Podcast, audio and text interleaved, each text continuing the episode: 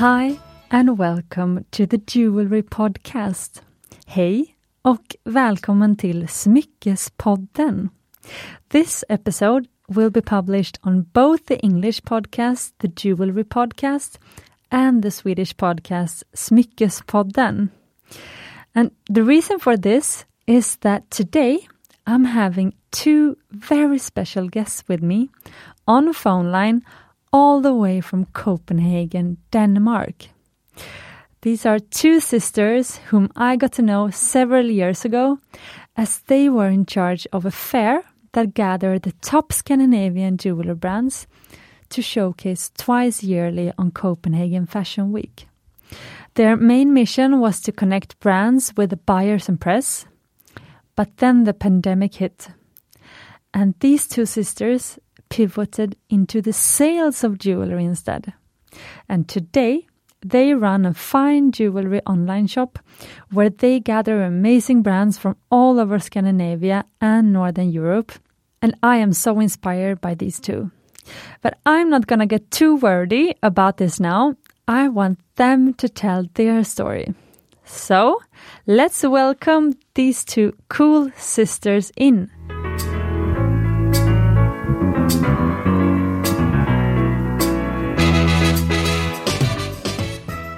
So now I'm sitting here with Charlotte and Pernille from the Jewel Room, straight from Copenhagen, and I am so excited to have them here on the podcast. So, welcome, Charlotte and Pernille. Thank you. Thank you. Thank you Hello from Copenhagen. So, tell me where where do you sit in Copenhagen now, and how is the weather? Well, we're actually in the very center of Copenhagen, and the sun is shining, and it's such a beautiful day. We have like a small. It's it's not a boutique, but it is. Uh, our office is located in Møntergade. So yeah, super super central with a lot of small shop and small restaurants and cafes all around. So bustling with people outside. That's amazing. I heard that that's the difference between Stockholm and Copenhagen is that people in Copenhagen love their city. Very much, and we use it. We love to just sit on the streets and uh, yeah, hang out. Yeah. But we don't have all the water that you guys have. I mean, we have some, but um, but we don't have the archipelago, right? Uh, yeah, that's true. That's true, of course. So, you both have very interesting personal career stories, and I would love to have your stories for in front of the, the listeners so they can like get a feel for who you are and so on. So, why don't you start, uh, Charlotte, please, and tell me about what was your personal career story?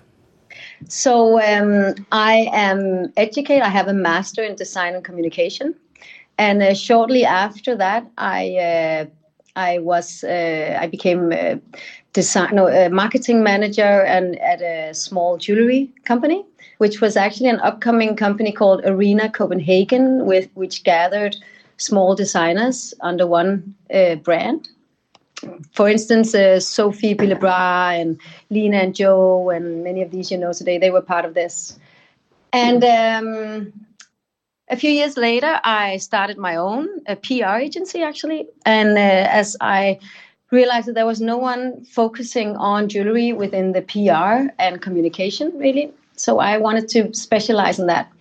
And at the same time, I also found out that there was no jewelry experts in Denmark and Oh. uh, I uh, I kind of became the first and maybe also the only one still. Um, and I started uh, writing for different magazines, and I was on uh, the national channel like or TV2, it's called, uh, speaking about jewelry trends and really positioning jewelry within the fashion scene on it. Like Good Morning Denmark. and- Yeah, yeah. Um, so there was a lot of trend spotting and, and communication and, and about different jewelry brands. And um, years later, Pernille and I, we kind of, uh, of course, we're sisters, which you probably know. And um, Pernille was uh, at the same time in jewelry as well, and we decided to uh, join forces. And the rest, I think you'll hear later. And how many years was this? This was like 10 when i started in jewelry was like 10 years ago when i started my own pr agency back then Oh, and and the PR agency is still left, or it's it's, it's so not? it was called Goldmine Communication, like gold mined. Um, and uh, no, it's not. Uh, it's not running today because PR wasn't the the route we wanted to continue. I see. And Pernille, what was your story? How did you end up in the jewelry business? Uh, I, I started my, my journey uh, educated from business and strategy. Uh, I was at an advertising agency in Denmark. Uh, I then moved to London, Barcelona, and I'm actually also lived in Stockholm at some point. Oh, I didn't Well, know. Uh, Saatchi and Saatchi. So the gallery, one year in Stockholm. that's a super cool gallery, no? No, Saatchi and Saatchi is a gallery in London, but it's also a global PR um, company. Ah, I see. Oh, okay. So both in PR. Advertising, sorry. It's an advertising company. Ah, okay. So it is, uh, yeah, a huge international advertising company. So I've, yeah, worked with big clients like uh, Coca Cola and um, a Kellogg and, yeah, many companies like that. And from that, I was drawn into jewelry. So I started at Ole Lynggaard Copenhagen, uh, being they being a really craftsmanship company, wanted to also start communicating more strategically. Uh, so I was kind of their first uh, their first role uh, internally, uh, focusing on, on on strategic communication and, and PR at Ole Lynggaard Co- Copenhagen, which you probably all know. There's a beautiful store in Stockholm. Yeah, it's uh, many Swedish people's favorite brand. It is a very, very beautiful brand. Uh, so, of course, that was my way into to jewelry, to craftsmanship, uh, but also into how many jewelry brands are doing well, and and the the the amazing designers and craftsmen that is out there. And in that journey, I also realized that we, as a jewelry brand, tried to be more um, uh, uh, visible in on the fashion scene. So obviously, both Ole Lynggaard but also other brands want to be seen in Vogue or or that type of magazines.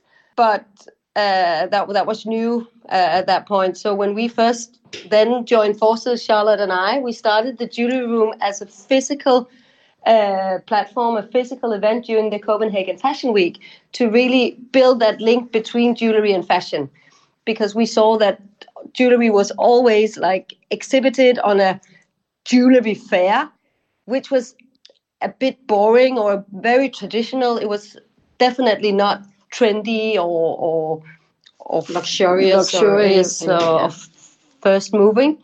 So so building that gap or bridging that gap between jewelry and fashion was our intentional um, thought and thinking behind the jewelry room, which we started five six years ago. And we even did a big event on during the London Fashion Week as well. Yeah, I remember that. And Yeah. why is ah. it why is it important for jewelry to be seen as fashion? Do you think? Well, it's not important to be seen as fashion. Mm. It's important to be seen in fashion. Mm. Mm. Yeah, so it's just the positioning of jewelry because jewelry has moved from being like boring and traditional and only like very adult uh, classic women wearing it to it's like a, it's also part of a look today and a part of a uh, the fashion scene even though it's not necessarily fashion jewelry so so it's all like the positioning is quite important and the whole bridge between uh, fashion and jewelry That's, and you see more and more jewelry also on the international catwalks. Uh, and I think just again, Ole Lynggaard is a great example, or even your jewelry, Cecilia, is a great example of you don't just wear jewelry that is one uh, simple like diamond earrings. You want to stack your rings, or you want to mix and match it with different styles and different metals, and so jewelry has become more and more a part of your look and a part of your personal branding. Yeah, but I would say also that you, both you as you, Charlotte and Pernille, but also you in Denmark, are very good in styling jewelry and wearing a lot of jewelry at the same time in cool ways. So yeah, so it becomes like your personal style, so, and that is something that I, I mean, we, I think we can take inspiration from Denmark because you really mix and match in a cool way. But do you, when you say jewelry, do you talk about fine jewelry or the costume jewelry? So in Swedish, I can say in Swedish, um, fine jewelry is äkta smycken and custom jewelry är bijouterier, de oäkta smyckena. Mm -hmm. So yeah. do you do you talk about all of them now or are you thinking about one specific? No, so it's it's fine jewelry or what we also refer to as demi fine. So ah, okay. it's all precious metals. So it, it can be silver as well, but it wouldn't be bijouterie.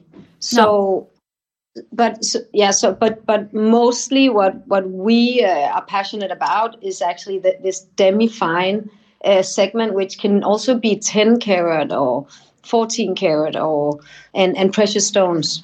I haven't heard that expression. What is what is demi fine? Do you have a like, uh, well, Demifine is actually something like your brand or even Ole Lynggaard. So it is, it is the price points that are not super high. Where internationally, you know, you have high jewelry, which is many hundred thousands. Where the, the demi-fine category internationally is more defined of, of from let's say 1,000 to 20,000. Okay, yeah. that's great. I actually like that uh, expression. Maybe I'm going to yeah. use it too. But I, yeah. I actually think it's the same because now we can more uh, compare it to, for example, handbags or very nice shoes and stuff. And mm-hmm. I try to compare jewelry more like that uh, because I think because there, there's so many stigmas or one of the reasons I started this podcast was because after like having met um, people in the in the showroom or in our showroom uh, for the past seven years, and they are all like the, many are still afraid of buying jewelry for themselves, like demi fine really? jewelry or yeah. fine jewelry, because it's meant to be a love gift from a man to a woman. And uh, then I just felt that we need to talk about this more in like a bigger room. So then I was like, I, am going to start a podcast so we can talk about like who are actually allowed to wear fine jewelry and who are allowed to buy it. Everyone, like you don't need a man to buy jewelry. And that's no. like the main stigma in the industry that I still feel. Like, do you also feel that?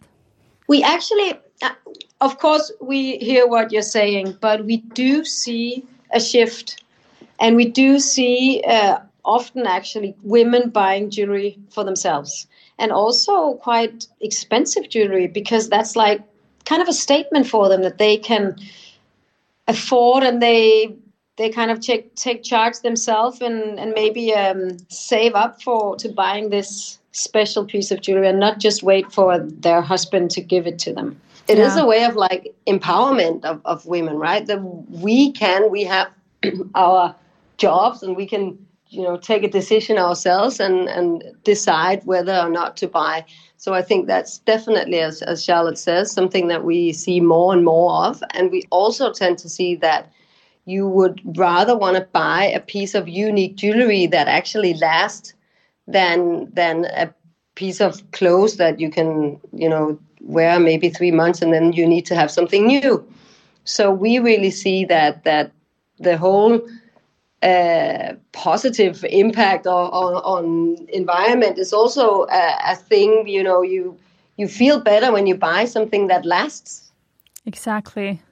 Okay so and of course there's still the the gift part of it which which will always be there especially you know engagement rings and all this because when like a, a man or a woman or whatever they gift a piece of jewelry there's so much extra storytelling in it. So i don't think that men, giving women will ever fade away or will ever not uh, be here, but but there's uh, definitely women buying for themselves as well.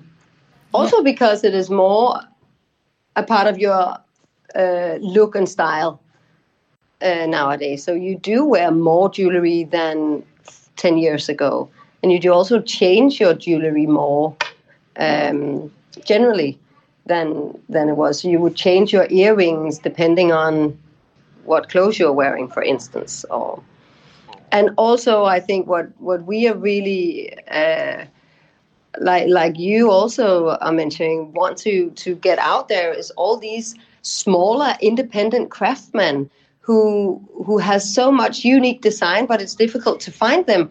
And when you don't buy into a big big brand you actually also get more value for money. Yeah. So you can a really quality and really great design jewelry that doesn't have to cost 30 or 1000 crowns it could be uh, yeah a few thousand and yeah. still be good quality Exactly. So this makes me very happy to hear. And I agree that jewelry is, is like one of also the perfect things to buy for yourself because it will be with you your whole life. It will not yeah. uh, be worn out in a couple of seasons. So, and but it also, of course, will always be the perfect love gift also for that reason because of the lo longevity of the pieces. So yeah. for both. So, so what do you tell your friends who says that they're waiting to receive this or this jewelry for their birthday? Like, do you tell them then to simply buy it for themselves? Absolutely. okay, that's good. Uh, well, no, it's, uh, it yeah. depends, of course, what it is and, and who it is. So, um, but again, what yeah. we have transitioned from, which we maybe I don't even know if we actually mentioned, is that we we went then from having the physical events during the fashion week where we were matchmaking brands with with buyers and press covid came. We have now introduced or, or launched probably our marketplace for that exact, exact same reason as you say there cecilia. You can go and buy it yourself and now we've we're trying at least to to make a window where you can find unique jewelry from amazing small jewelry designers. So that is kind of our our main purpose of the marketplace. So you can find uh, find what would you say, Charlotte? Unique jewelry that hidden that you... treasures that you didn't know were out there. Yeah. That's beautiful. And actually, I was so happy when I saw um, this new website of yours or this this web shop because mm -hmm. it mm-hmm. felt like a very fun jeweler web shop, very very professional, but still. Uh, yeah, not not it. It felt more as if it would be like a fashion website more than a fine jewelry web shop or demi yeah. fine, and that made me so happy because I have only seen that in the U.S. before. So oh, really, yeah. So so so I I I very much think that you like you gather both of your experiences within fashion and within sales and within marketing and and within jewelry. And and I feel that now you have really like come to like the the perfect uh, product for you. And I think that you are like the the, the right persons to to be well, this kind of window for like Scandinavian jewelry I say because you have a lot of Scandinavian jewelry brands right? Yeah, yeah we do. Yeah so, however we Oh, sorry. What were you going to say? No, so I just want to tell you that I think that you are so much on the right track. And I'm very happy that because fine jewelry looks very fun and like uh, joyful when looking at your website and not so like strict and um, like in some places you almost get afraid if you if you would go in and buy fine jewelry. That's that's so spot on because fine jewelry is not supposed to be um, scary or I should say like like it's it should be used every day and it should make you smile no matter where you are and uh, and, and it can also be affordable. Yeah. yeah. So how do you how did this transition go on? So so there was the the pandemic came and you I believe you were in a dark place then. I mean with your business and you had to to pivot or what happened? Yeah so the the thoughts about gathering uh, designers in in our platform is actually rooted back when we were like a b2b showroom or the event. But but yes covid came and um, we spoke to all the designers we were working with and they're like thanks but uh, what we really need now is to to sell jewelry because that's how they could survive. And they had nowhere to go and um, so we kind of like, well, if we do this and this, uh, would you like to be part of it? And uh, they were all super supportive, and we started uh, the marketplace and gathering some of the best designers we could find out there. And um, it sounds really easy, like it happened in 24 hours, but it was, of course, a long process. And uh, before that, actually, we had also had because we were starting doing a lot of posting on Instagram and stuff, and we had so many followers and customers asking, "Where can we buy this? And where can we ah. buy this?" Ah. And we were like inviting them to all the different brands, stores, and web shops. And all of a sudden, we looked at each other saying, "Why don't we just make them gather it all in one place?" Yeah. So um, that became the start, and uh, ever since, it's gone really fast. And um, now we have uh, actually, yeah, as you say, we have designers from Denmark, Norway, and Sweden, but we also have from Germany and Paris and London and Prague, and, and we're really expanding um, because we see such a huge interest from international clients as well. Ah, I see. So, yeah. do you see yourself now as a store, like a like a jeweler net-a-porter, or do you still see yourselves as also like a communications agency, sort of? Do you, do you see what I mean? Like we don't see us as a as just a store because we're we're not just another jewelry shop as we see it. So we're much more um, kind of the the window and to the world for all these designers. But the the basic thing is, of course, to sell jewelry. So so in terms of that, yes. So it is a, a type of a you you could say net-a-porter for jewelry, except that we have a super close relationship with all our designers. Mm. Uh, a lot of brands would like to be on net-a-porter, for instance. It's not necessarily a great thing because you have to put a lot of uh, stock and commission and so forth, which can be extremely expensive. Um, but we have a super close relationship with all the brands, and we display their identity, their footage, and we try and guide everything around that. And then the jewelry is actually sent directly from the designer to the end customer. So we facilitate and we create this window to the world for all the designers, but also a window to unique jewelry for for customers. And the customers does get a feel for, you know, they, they get something personal um, because they get it directly from the small designers from wherever they are in the world.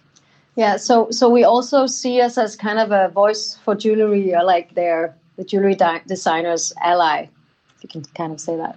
Does it make sense? So, sorry, what was the last part?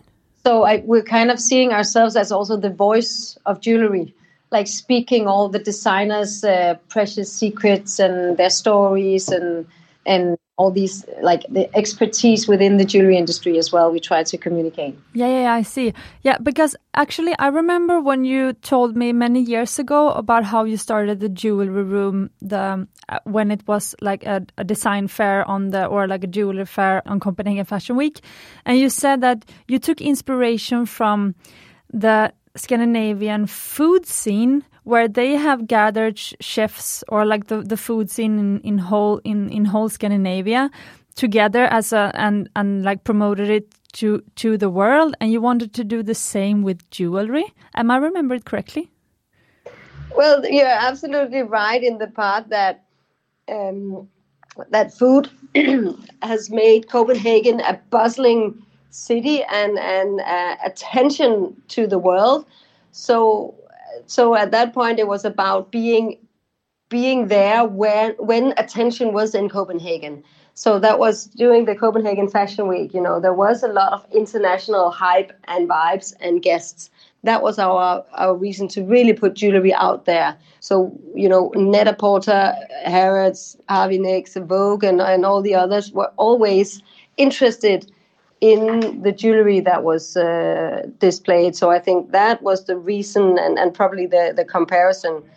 And and you can say the same now. We are obviously 100% a sales platform, but we want to gather the best. Yes, yeah, so we really take a pride in finding these um, very talented designers out there that that no one really knows actually. So maybe you are known in your home local community or something, but but to the world, you're not known. And we love to spot these the new the new designers. And how um, do you um, do that?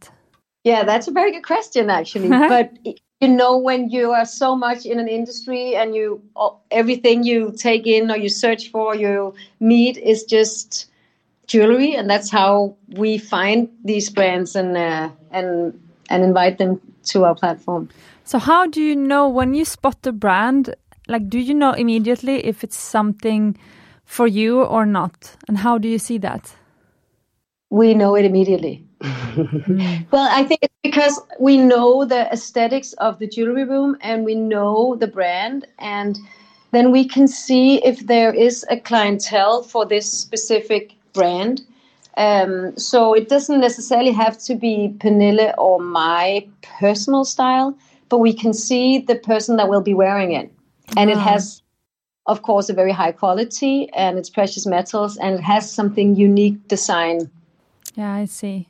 So, what differences do you see among the different customers? Like, is it a different customer in Norway uh, versus in Denmark on your web shop, for example, or it's, in Finland and so on? Yeah, actually, because we've we've also, I mean, as you say, there's a lot of marketing strategy, but but for what we're doing now, there's actually a huge amount of tech. So tech is is more or less our foundation in, in a lot of what we do combined with passion. And we do see that based on all the data we have, the customers are kind of alike. It is today a lot of women. We also have men. We're not good enough with the men's yet. We will be be better at the whole gifting part. But uh, but it is a, a modern, uh, classy woman that is educated normally and who actually don't necessarily care about the brand, but falls in love with a piece of jewelry and wants something that lasts. Mm. It is a, a, a woman who's more self confidence and knows what she wants. Even it can still be classic or it can be wild. So they obviously buy very different things, but but generally the the average customer that we have is a woman 35 who who has a a job and who can actually, you know, buy something because she tells herself that she wants to buy it and she deserves it. Yeah, so it's maybe between 30 and like yeah, but it's plus, plus yeah, 35. plus 35. Yeah, exactly. It's not just only 35 year olds. yeah, yeah, yeah, yeah. But do do you have many? Because what what we see on the Mumbai Stockholm web shop, the the brand that that I started uh, for new listeners, uh, we see that we have very much recurring customers. Like some months we have upwards of 40% re returning customers. Uh, yeah, so yeah. we have an extremely high rate of that. Do you also see that? Yeah, we we see that to a much higher degree. Yeah. Um, and and even though it, it can be quite uh, expensive pieces, they just of course wait maybe longer, but then they kind of uh, uh yeah purchase again. But they also because we, as Pernille said, we also have lower price points. They might buy some, you know, a, a summer necklace with a lot of colors, and next time it's a a diamond ring or something. So uh, so yeah, we only have you know the past uh, bit more than a year data, but but we do see recurring customers actually, and I also think we are in a process of educating people of daring to buy um, jewelry online. Yeah, because a bit where shoes were five years ago, right? Where you were like, I don't want to buy shoes online. I have to try it first. Where that is a bit where jewelry online is now. So we want to create a safe space and a trusted uh, source and a where where people dare buy their jewelry and you know are secure about getting their pieces and also are, are able to refund it and return it if if it doesn't fit. So i think there's a lot of education towards the consumer in general uh, that they need to dare buy uh, jewelry online as well. But i think uh, yeah, COVID has definitely pushed that in in a in in the right direction, and it has opened up for all the small designers. So that's.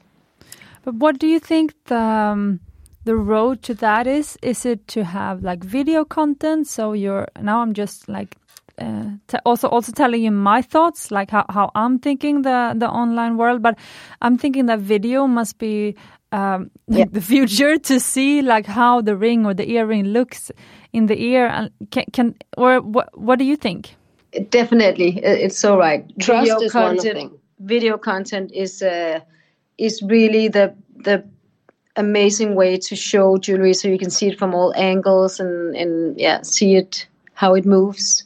Um, but it's also um, being very clear about the qualities and the and the, the stones and everything. Like really explain it and and uh, of course also the story behind the collection because maybe like for instance Ole Lynggaard, Charlotte Lynggaard has so much storytelling about each item and uh, we do our best to to integrate that into the the product storytelling. Yeah. But also fundamentally creating a trusted atmosphere or a trusted source where you dare buy. Yeah yeah. But that i think if you you who listen you can go into uh, thejewelryroom.com and see the website. I believe you have um, a very good like foundation for building trust and you have your phone number and it's it's a very it feels warm and welcoming. So i really think that that's a strength of yours. Thanks. But we try. And we are trustworthy. Yeah. Yeah yeah yeah, So yeah I, I can confirm. very far for our customers because we we really feel like if they if they contact us and they're buying a ring or something we're just like oh we really want to make this so well because we know how much effort they put into it. Yeah. And the worst thing is actually when we ship it off and if we don't hear anything we're like do you think they liked it? Like what a, how, how was his proposal? We, we, we almost have to call him to ask. Yeah. love all these uh, we like yeah we just love the jewelry and the designers and yeah of course the hope the the clients do as well Yeah. So are you because when I travel through the different Nordic cities, I think that there are like different jewelry trends in different cities. For example, in Copenhagen, uh, like I'm thinking like arm candy, a lot of bracelets, and also a lot of necklaces. And in Stockholm or where I move, it's a lot of rings and so on. In Finland, it's super minimalistic. When I was in Finland, they wanted the the tiniest diamonds and the tiniest rings, simplest rings. Uh, but do you see these kind of different, like how different, um, like how you, uh, that you wear jewelry differently in the different countries? yeah definitely. So i think of course we don't know specifically every every uh, big city but it's very much like much like a big city uh, urban thing that you dare to wear your jewelry more like layering and stacking and, and doing all like statement looks. Um, whereas like there's a one thing that that we can see kind of fits all. It's like these small uh, diamond huggies no matter what kind of person and what city and whatever everyone wants these What's a huggy? it's like a, a mini hoop. mini hoop Ah, okay. Uh, for for a ho- for a hole. I I mean, in the the hole in the air. It's not hugging the end the side of the air. kind of tiny But you are right, Cecilia. It is funny how how Denmark and how Copenhagen and Stockholm are, are very different. yeah Uh, where we are probably a bit more um, wild down Yeah. here in the south. Yeah, yeah. I think so. um, the bohemes of the nordics or yeah, whatever and and Norway is very. Um, uh, I mean, if if something is good quality and and bigger stones and a lot of gold, it's it's very. That is, uh, there has to be like a story or a trust around a, a, a craftsmanship or craftsman. Where I maybe uh, you know Stockholm better than us, but that's probably a bit more traditional. Yeah, I the bi- the biggest difference I see between Oslo and Stockholm, where it's like our main customer bases, it's the, Oslo they want bling and they want sparkly and more diamonds, bigger diamonds, and Stockholm Yeah. is a bit more minimalistic. yeah Yeah, yeah and then uh, Copenhagen is probably more colorful. yeah Yeah, I love Copenhagen. I, I both for clothing and for jewelry. I could go there and shop like every season. I could go once and just shop my whole wardrobe there. I think it's super inspiring. But what jewelry are you wearing today? Okay, I have to look. Yeah, we're looking. I am wearing a ring from a brand called Mary Lou. I'm wearing a gold ring. a gold ring and like a, a organic, like a really handcrafted, so to say. You kind of can see that the metal is had been handmade. Then I'm wearing a ring from a German brand called uh, Vieri in rose gold actually. in actually rose gold. I'm wearing a white gold ring from Ole Lynggaard. hmm Is it the Uh, leaf? It's not the leaf one. Ah, it's okay. actually the lace ring I'm wearing today. Oh, okay. I'm also wearing a lace ring, but uh, not from Ole Lynggaard. Ah. Oh yeah, I remember you. Yes. Yeah, so- Yeah. And uh, yeah, I'm wearing a, a fun um, And a tennis a bracelet. tennis bracelet uh, together with a fun pearl one that my daughter has made. Oh, Uh, There's so much jewelry. You have no idea. I could keep on. I also have earrings on. Anyway. yeah. I'm actually gonna. If you were, if you were, would be here in the studio, then I would Yeah. f- be filming your your hands and ears and uh, wherever you're wearing jewelry. So maybe I will Yeah. ask you actually to after we hang up that you record, uh, like just re- film your hands or where you wear jewelry, and then I can post it on Instagram. Yeah, you can do. So the main thing I think we do is that we mix a lot of different designers. Yeah. So there's no full look. So and we also mix silver and gold actually. Um, that's kind of uh, our signature, I think. And then we could also wear a like I also have I have many bracelets on, and I also have one like a, a thirty uh, euro no sorry three euro bracelet on, which I really find is cool. So it's it's very much a mix of uh, high end and not very high end thing. This is like a piece I bought on the beach, but um, I think it looks cool with the other pieces. So that's what kind It of sounds cool. yeah, thanks. and then diamonds. Diamonds is always nice, Yeah. Yeah. even though it's expensive. yeah. No. Yeah. But we are definitely missing some uh, Mumbai Stockholm rings on our hands. Yeah. Yeah. That's on the wish. That's on the wish list. we have to talk about that um, afterwards because I have been thinking about that too. Yeah. we love your brand, and you know we are a huge fan of yours. That's why we've also yeah we've Well- been speaking for years, right? Yeah, yeah, yeah. w- ex- exactly. But to also have Mumbai Stockholm on online on the Yeah. jewelry room. Yeah, we look forward to be there. Yeah. I no, I actually think that this is the perfect because we never my, like my main thing when because when I started, of course, when you start like um, a, a jeweler brand or a consumer brand, you're always thinking that it has to be th- through stores. You can sell on your own, but you also need to sell through stores. So when I started 2014, then I in a few years I was in a few stores. But what what my main like um, concern or like my main issue with the with the stores were that they always wanted me to send me to send them our cheapest pieces. So they were always asking, "Can you do you have something for less than one thousand sek? That's like one hundred euros." And I Yeah. said, "Yeah, I have a few silver silver pieces. We don't do that anymore, but but then we did." And they wanted more and more of these cheap cheap pieces and then and then finally i was like okay but the main like our, the main mission or one of the main missions with mumbai stockholm was that we were gonna make all the jewelry in sweden of mm-hmm. recycled metals and so on and and i'm not gonna do it in asia or in turkey or something but then the prices we cannot Go up. compete on prices No. so so that was always and they what I found was that very few people have the ability to sell luxury goods.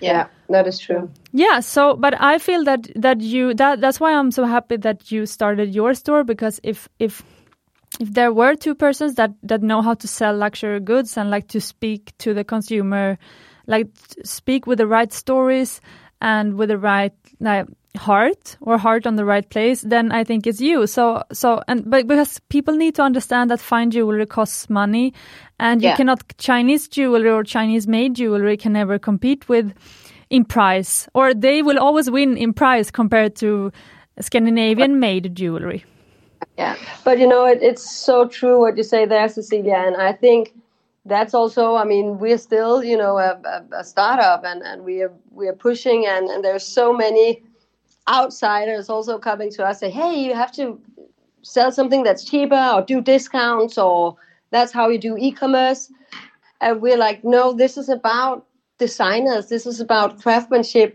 and also I do believe, as you say, there are a lot of amazing customers out there who actually do care, who Yeah. actually don't want the the mainstream or the cheap crap, so to say, that actually do want to have something that lasts and wants to look themselves in their eyes and say this is made by uh, amazing craftsmanship in Sweden or or Paris or Poland for that when it can Yeah, still yeah. be a, a craftsman but um, I think uh, that it's spot on to to our mission and and it is still new to to do it that way and and focus on that but I really do think that for for for customers it is being more and more it's getting more and more important Yeah. to have that Yeah. impact also uh, personally that you can say to yourself i've bought something and and i can really look myself in the eye when wearing it and also that you say i buy something here and it has a positive impact on on a local environment and i think that's a, a huge transition that is generally happening and especially the younger consumers are very aware of that Yeah.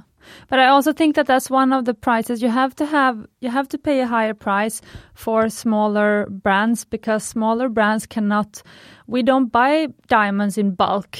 We don't buy sapphires in bulk. I mean, we have to produce uh, I mean each each each piece costs more to produce because we don't produce so many.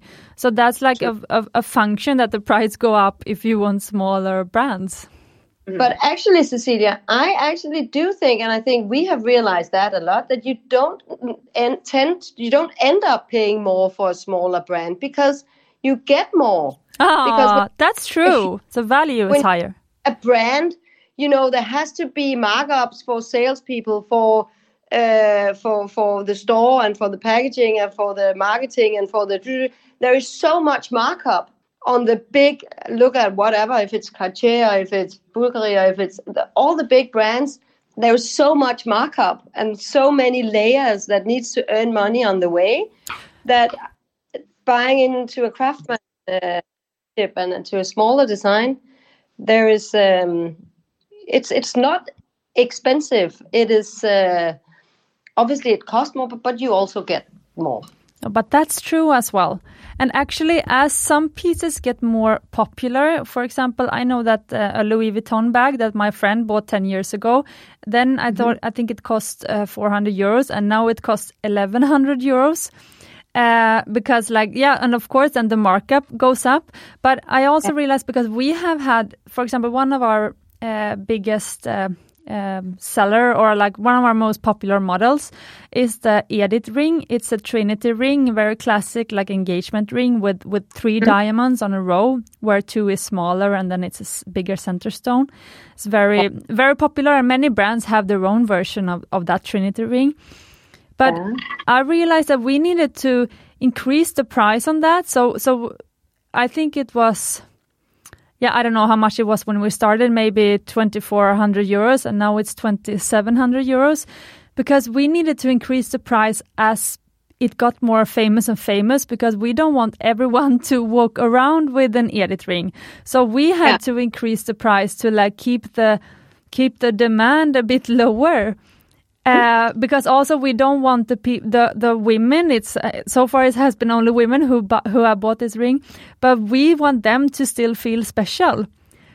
So like Yeah. price is also a way of like uh, steering that sort of. Yeah. And that's also a part of like uh, like trying to be like a modern luxury brand. Like you want you want the, the person to feel special. Yeah, true. Yeah. That's what also Louis Vuitton and Chanel are doing, like just increasing because there's too much demand. Yeah. So it's uh, it's very interesting to also be part of it from the inside and see how what, what you have to do. But do you think there exists such a thing as an essential jewelry wardrobe or like a capsule wardrobe for jewelry, like with a few uh, different pieces that everyone should have in their jewelry box? And yeah, Okay, definitely. Tell me. The, the diamond hoops and an eternity ring. That's like must have. Ah. Diamond hoops, you call that something? Yeah, you, the huggies. Yeah, the diamond huggies. Yeah, diamond huggies and an eternity ring. That's nice. I- I- only these two? No, but that's just like that. That's that's what you you must have. Then there's like a, a bangle or a bracelet in gold or white gold. Um, A closed one, like a circle, or well, it doesn't matter actually. Hmm. I like that. Mm? and the whole yeah, and then stacking the bracelets, right? Is, Yeah, yeah, for is sure. also, but uh, it's just if, if you really it's a, need it's to a- prioritize. yeah. We're trying to uh, to narrow it down to just a few, which is difficult. But that was, would be like the the very essentials. But we do see generally the tendency that you see uh, that you mentioned the other day, Charlotte. First of all, the layering generally. I mean, you want you wear more necklaces now. Yeah. One that's short and then one that's longer. Uh, you also wear many, uh, many more like simple or, or more thin rings. Where a few years ago it was a lot about statement rings or statement earrings. Now it's the more simple, but but many of them, both rings, earrings, earrings, necklaces, yeah. and bracelets. Actually, right? So it's not one big statement. No, and and as we see, we see a lot of also women, um, not that are not re- young, but like our age, I guess. you can say we're young. Yeah. Anyway, but they also no one get, will see you, so that that doesn't matter. And even if they saw you, they would say you're young. Yeah, good, good. No, so we see uh, all women getting more and more um, their ears ears pierced with more and more new piercings, so they can get this whole. Yeah, I pod. love that. Do you know what? And I, it doesn't. Yeah, sorry. No, sorry. No, you just talk. Yeah, uh, I was interrupting, but you know what I love with the with the ear stacking stacking? It's no one. it's that you can wear it, for example, when you're exercising. Like I always take off all my other jewelry, but my earrings are still there, so I feel like uh, I feel like a jeweler gal even when I'm exercising, for example. Yeah. Yeah. Yeah, so so the the jewelry, the ear party part is very much smaller earrings, but many of them in many different piercings. Mm. Yeah, I love that. Yeah. And do you see do like do is there any special gemstones? Is it the diamonds that are part of the capsule wardrobe or are, are other gemstones also part of the capsule wardrobe? Or diamonds and sapphires. Mm. Yeah. But but it's more about the s- many small diamonds is what we see nowadays than having one big. And is the solitaire, like the solitaire ring, the solitaire necklace, is is that Mm-hmm. a thing in Denmark? Or It's not that big in Denmark, but but a ring with a diamond somewhere or diamonds is definitely Yeah, I see. And what jewelry trends do you see for the fall winter now? What do you think will will we will see on the streets? Necklaces. Chunky gold necklaces. Still, still the No. chunky go- gold necklace, but in in different lengths, and also the actually the the the Mumbai Stockholm look, the the many petite rings. Um, we see that, and um, I'm just thinking what I've just been seeing. Uh, tennis uh, necklaces and tennis bracelets is still Ah. going strong, but the whole tennis necklace is like such a nice trend, which will uh, be evolving as well. Maybe it won't uh, get to Scandinavia just tomorrow, but it's uh, it's out there. Do you think people are buying them vintage or are they buying new tennis necklaces? both but it's still new i mean i think the vintage jewelry will will uh, i mean it's definitely growing but it's still a very very small Yeah, part of the the true. business it's Yeah. It's- still a, a bit insecure in a sense. So but but of course if you go to auctions you do see that jewelry is increasing. Uh, but it is uh, it is more the um, but it is it is more the new jewelry and then it is more the again the the more cheaper versions of it. So it's not the 200,000 version of a tennis bracelet. It is made maybe with a sm- with smaller diamonds or with only 10 or 14 karat gold so it becomes more affordable so Ah. that's what we see And another thing I forgot: colors, colored gemstones in all variations. That's nice. Mm. Do you wear any colored gemstones? Yes, Huh? Pernille is wearing a a purple one in her ring, and I'm wearing a blue sapphire in mine, and a kind of light blue moonstone as well. That's nice. So Yeah. do you do you get a lot of questions from from your um, customers about the gemstones or the uh, like the the the ethicality of diamonds and like do you see this environmental like concern with your customers or or yeah what do you see I mean, we see we we get a lot of questions about stones. What is what and why and how? Uh, I think generally um, the whole uh, DiCaprio movie about uh, blood diamonds. I think yeah. everyone has seen. But fact is nowadays that almost all diamonds, you know, you can track and they are with certificate and everything. So that is both when it comes to diamonds or gemstones in general, and especially and also, from designers we carry for sure. Yeah, yeah. So yeah. and also it is a lot of um, recycled gold, and then there's a lot of this uh, thing going on. So we we don't see uh, a lot of these horror stories, so to say, that that no, but but the thing is, right now, to be honest, that I think the designers are they're a bit ahead than what the many of the clients they know that you can actually uh, get. Like for instance, there's one designer who always plants a tree when she uses a sapphire.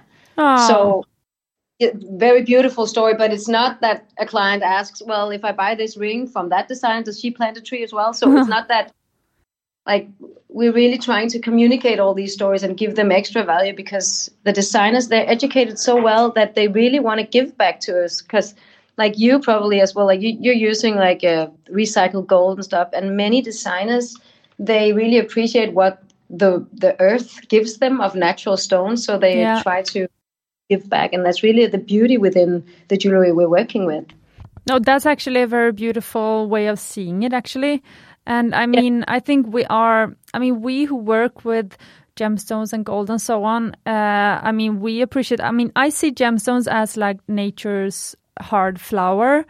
I mean, mm-hmm. it's amazing how nature can create something that is so beautiful. And yeah. the more gems you see, the more you appreciate that. And I mean, I think everyone has to have their own guide sort of. I mean for me it was to because i was i had never been in the jewelry industry when i started. So for me then of course it, it became very i mean naturally it became very important to have my production very close. And i went as an apprentice um, in, in the first goldsmith studio in Sweden. I mean, for me, if I would have had my studios abroad, I would never have learned so much about the industry that I have done now, now that I have the studio so close. So, I mean, I, I don't want to say that you have to produce in your home country to to sell to sell like ethical jewelry, but for me that was the solution. And I mean, there's just there's different things that where design you designers you uh, you decide to to focus yeah, exactly. Uh, and I hmm. mean, we try to um, put pressure on our suppliers because I still feel that it is difficult to track mm-hmm. each gemstone. I mean, down to the where it was mined because yeah.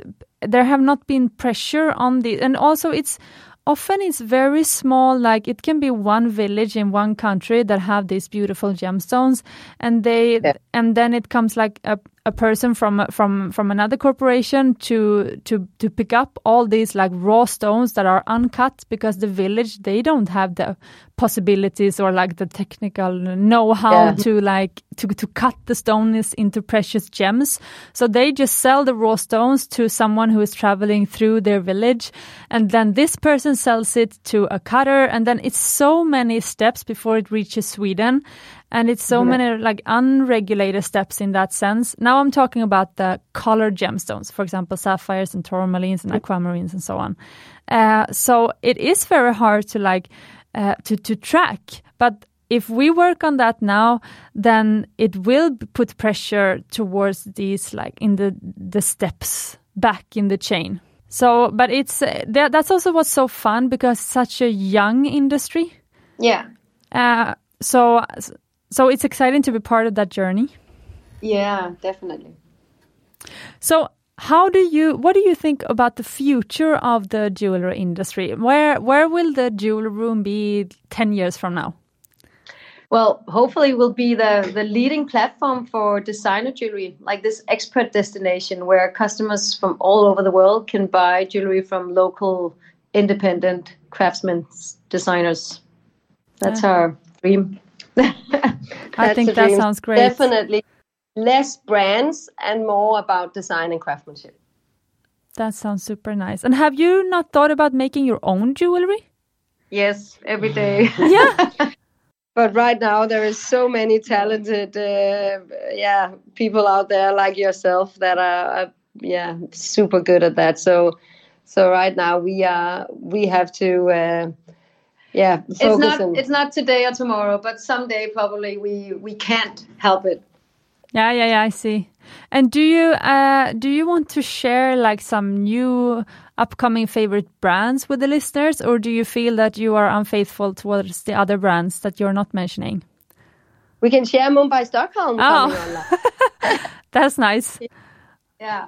Um, well, there are some that are quite interesting to to have a look on that are new. Yeah, Um, please share. so there is a Prague-based band co- brand or designer called Lenka Kalika, which is uh, very very handcrafted and um, very sculptural and yeah, that's really nice. We see a lot in the sculptural actually. If you take the Yeah. sculptural tendency, then there is yeah Lenka, there is Aqua Aqua Jewelry, Jewelry. there's Deborah Blyth Yeah, from uh, London. From London. So and Sarah Jinmi and Bersø.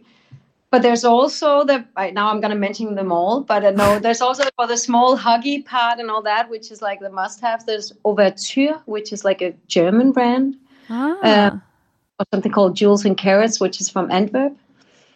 So there's uh, yeah, and we have Engelbert that is from Stockholm. yeah, that's a favorite. That's Yeah. also a good yeah, yeah, yeah, I've seen. You have the knot ring, no?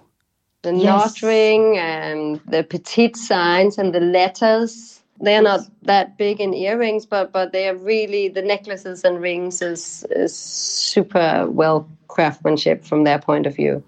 Ah. So, no, I think uh, it's difficult. Yeah, it's, really difficult difficult. Now I want to mention so many others as well. okay, so I have another challenge for you then. Thank you so much. There were so many uh, good brands that at least I had to look up now because I haven't heard of them. Okay. So I appreciate it.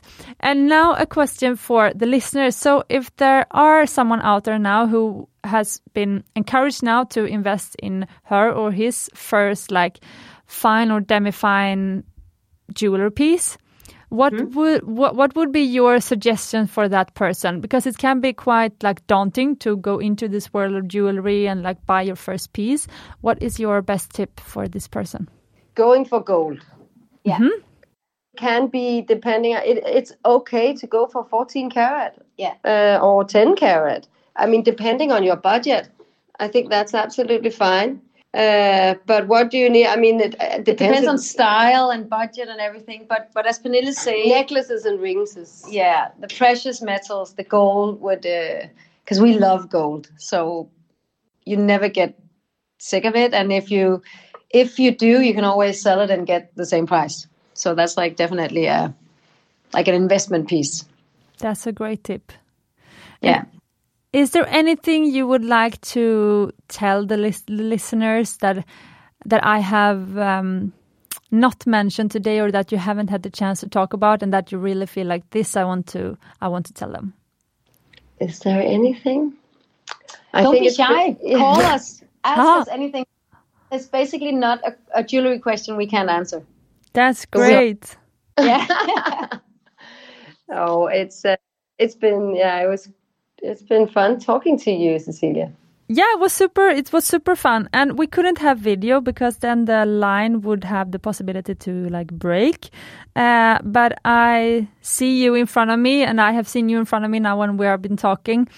And it would be lovely if you took a selfie or something that I can put up on the Instagram so people see you. Yes, Yeah. sure. And don't forget to film your your jewelry and tell the story about uh, where they came from or why you love them, like one minute or two minutes or something. That would be amazing. Cool. And I look do it. forward to visit you in Copenhagen soon. yeah, would love to see you here. Yeah, and I want to see your showroom. Do you have a showroom, by the way? We do have a showroom. So as Pernille started saying, it, it looks like a store when you're from outside, but it's like a two floor, and you can we sit upstairs with our computers and our small uh, yeah um, desks, and then downstairs we have our showroom and meeting facilities, and people are always welcome. So the customer or the sorry the listeners who are listening, can they visit your showroom? Well, they can, but to be honest, we don't have a lot of jewelry here. We're really nice and we have good coffee, but Mm. usually we don't have that much jewelry because the designers they send directly from them. So, but we can get. Sometimes we actually ask to get something here if if someone really wants to click and collect or or uh, see the piece in in person. Yeah, I see. Yeah. Okay. Thank you so much for being part of the Jeweler podcast and Smyckespodden. Thanks for having us. And I really appreciate what you do for all the fine, fine and demi-fine jeweler brands out there. Thank you.